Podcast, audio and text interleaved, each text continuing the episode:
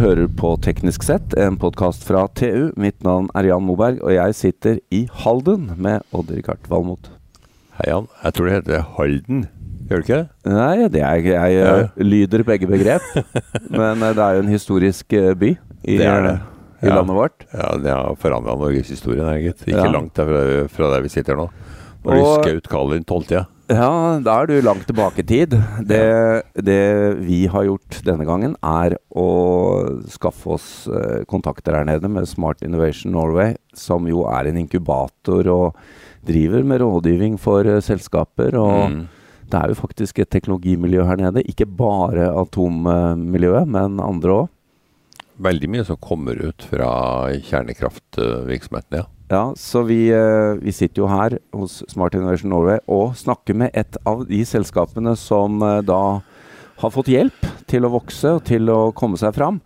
Det jeg ikke hadde forventet når jeg kom hit, var jo at vi skulle snakke om eh, slakt og skjæring av dyr, Rikard. Nei.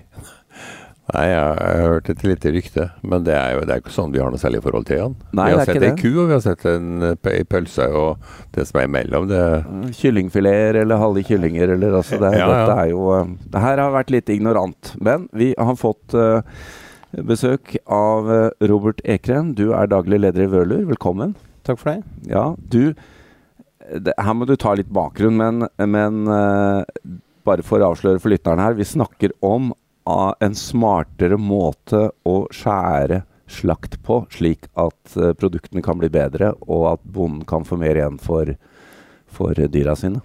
Ja, vi snakker om eh, også eh, gjennom endring av skjærevalg og prosesseringsvalg eh, ta og utnytte dyret bedre eh, Ja. for å klare å levere etterspørselen på best mulig måte. Og da er det snakk om en programvarelysning programvareløsning som lever i skyen. Korrekt. Ja. Men før vi kommer dit, kan ikke du dra litt igjennom hva som er utfordringen i dag, hvordan det foregår? For dette kunne jo vi ingenting om. Ja. Så er det sånn at uh, Kjøttindustrien mottar eh, veldig mange dyr, uh, og disse dyrene har ulike karakteristikker i forhold til vekt og fettprosent og kvalitet osv. Og, så og uh, De er som oss, altså. Ja, de er som oss. De er det. Har høy fettprosent. ikke sant? Og noen av disse dyrene passer rett og slett bedre til visse produkter som selges i markedet enn andre. Eh, Ja, vi hadde blitt pølse, vi òg. Ja, er det Pølse er liksom lavproduktet, eller?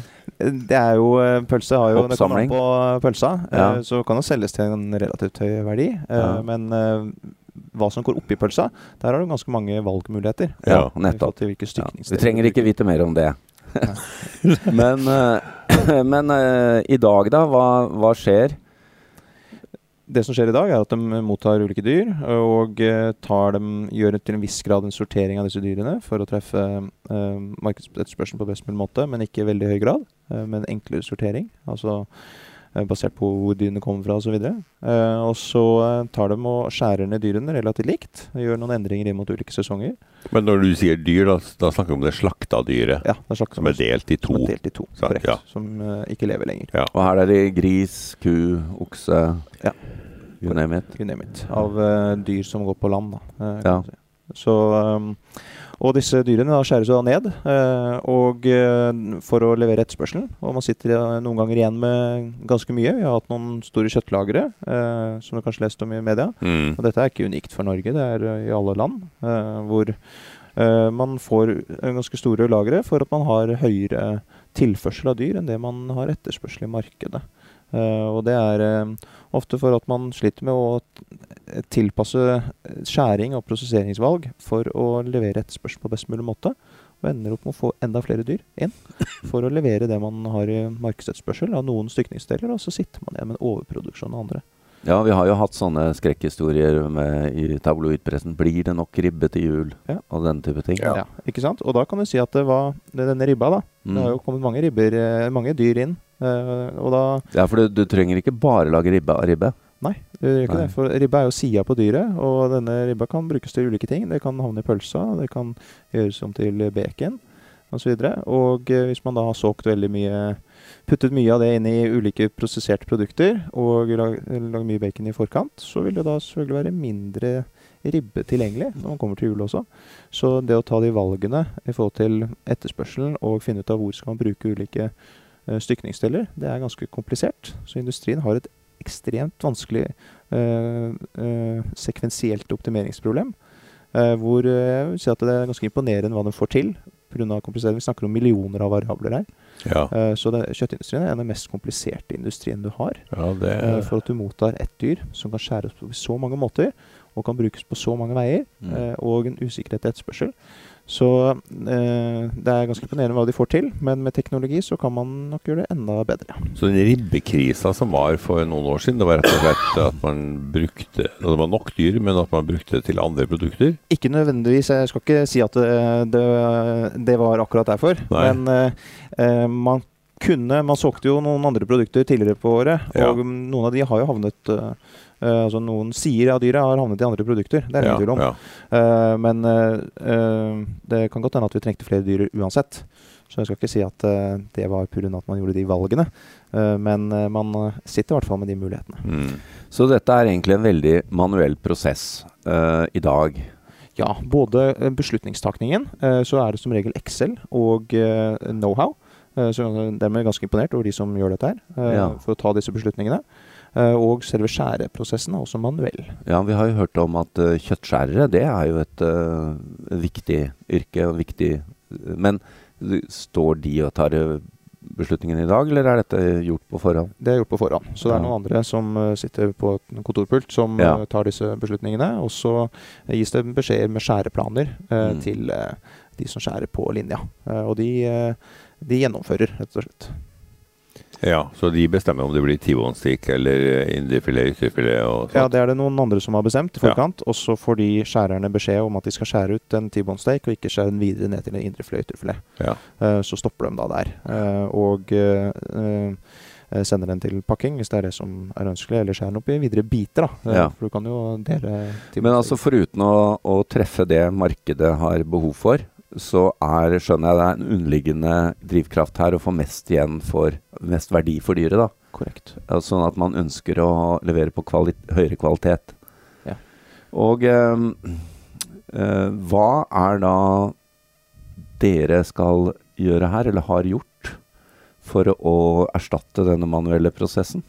Det vi gjør, er at vi mottar data fra ulike deler av verdikjeden. eh, for de eh, påvirker hverandre, så disse siloene som som regel har gjennom en verdikjede, de må på en måte vekk. Og så må vi få data fra ulike deler av den. eh, fra, eh, fra dyret blir slaktet, og informasjon om dyret, til ferdig produkt. Og informasjon derimellom i forhold til skjæremønster, lagernivåer, eh, resepter osv. Henter vi inn data fra de ulike områdene. Og så gir vi forslag til skjærplaner og rekkefølge på dyr inn til skjæring. I tillegg til hvor de ulike råmaterialene skal gå. Skal de da i prosesserte produkter? Skal de inn på lager? Skal det pakkes med en gang og selges? Det kommer an på etterspørselen, hva du har tilgjengelig, og eh, de ulike dyrene. Eh, så vi gir rett og slett produksjonsplaner ut av det. Men, men, hvilken type informasjon er det du trenger om dyret? Eh, F.eks. fettprosent og vekt og kvalitet. Du ønsker I utlandet, i USA f.eks., så har du i større grad ulikt kvalitetsnivå på biffen. Eh, og da ønsker du å putte en høykvalitetsdyr inn i en høykvalitetsprodukt. og ikke ta og sette et høykvalitetsdyr inn i et lavkvalitetsprodukt. Ja, Hvordan ser du på dyr om det har høy eller lav kvalitet? Eh, det tar dem å, å gjøre et snitt ved, ved entrecôten, Ja. eh, og tar et bilde av det. Eh, og bildet klarer å se om dette har høy marmoreringsgrad eller lav, Ja, og gi derav en kvalitet. så dette kan du ikke få før dyret er slaktet, egentlig? Ikke i dag, nei. Nei. Du kan jo selvfølgelig lage prognoser og estimater på det, men det vet du ikke før dyret er slaktet, nei. Det stemmer. Det høres veldig manuelt ut, det hele. Veldig mye manuelle prosesser Ja, uh, gjennom hele verdikjeden, og eh, mye manuelle beslutninger også. ja. Eh, så det er en industri som, som jeg tror i fremover vil bli mye, mye mer teknologibasert. Med, auto, med robotisering og sånt. Ja, altså Robotisering er utfordrende i forhold til at det er store variasjoner på dyra. Ja. Uh, men at det vil komme over tid, det tror jeg spesielt med utfordringen du har i dag med, med ansatte. Altså at du har nok folk som kan gjøre skjæreoppgavene. Uh, så tror jeg det kommer til å øke utviklingen innen det området. Uh, men også i forhold til beslutninger eh, på bruk, bruk av data til Mm. å ta bedre beslutninger. Ja, for det er lite egentlig automatisering eller, ja, av, av disse prosessene i dag. Det er mye menneskehender involvert. Mye menneskehender involvert, Ja. Men i det dere gjør, så er jo ikke det hovedsaken å, å ta bort menneskene. Det er mer beslutningen om hva, hva man gjør med det enkelte dyr. Ja, Det er Ja. akkurat det der. Så det er om å ta best mulig eh, beslutninger og utnytte dyret på best mulig måte. eh, Og la menneskene gjennomføre på det. Og det bruker vi data og teknologi for å bedre de beslutningene. Eh, Men eh, det, jo, det ser jo veldig interessant ut, det, det dere gjør. Men er det stor konkurranse på det? Er det flere som har fått samme ideen? Eh, Det er jo flere som har tenkt på det. Så Ja. kundene vi har, de, det er ikke første gang de tenker på det. Men det er ingen andre som vi har funnet som har gjennomført på det. Derfor dere er i USA og sånn, og det er jo kjøtt, kjøttland nummer én. Det er det. Så der er vi også, hos en av verdens største kjøttprodusenter. Og eh, da, de vi jobber med der, de hadde tenkt på det. De hadde prøvd med Excel, noe som er helt umulig. Det er altfor komplisert. Vi snakker om millioner av variabler.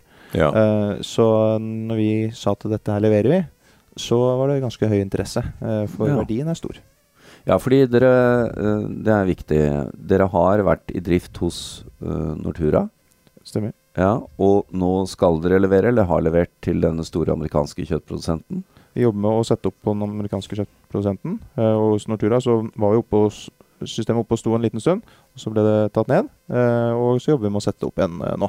Og vil jo da jobbe med å også få ting eh, Jobbe med å få det operas så operasjonelt som overhodet mulig, og sånn at de kan bruke det til å ta, ta beslutninger.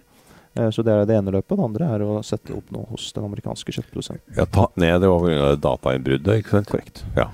Har, eh, har det vært gjort noen beregninger på hva dette vil eh, bety for eh, enten i økonomi, eller ja, det er det mest i økonomi, da. I salgsverdi ut. Ja. Vi har hatt noen eh, tester, altså sånne proof of concept, hvor vi har brukt historisk data. Ja. Der har vi hatt eh, tester fått til bedre utnyttelse av dyrene, eh, opp mot eh, 10% Hvor vi har klart også å eh, bruke rett og slett litt færre dyr og levere akkurat den samme etterspørselen. Eh, hvor da kunden har i den perioden bygd store lagernivåer som kanskje ikke har vært så nødvendig.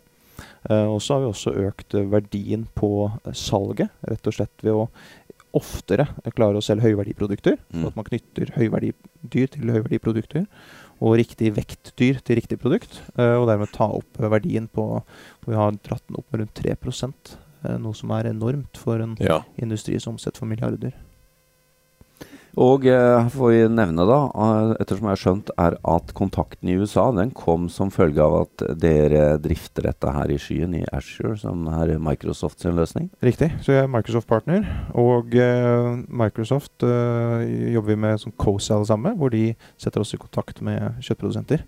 Eh, for vi har et eh, ganske godt use case for hvorfor man skal inn i skyen. Mm.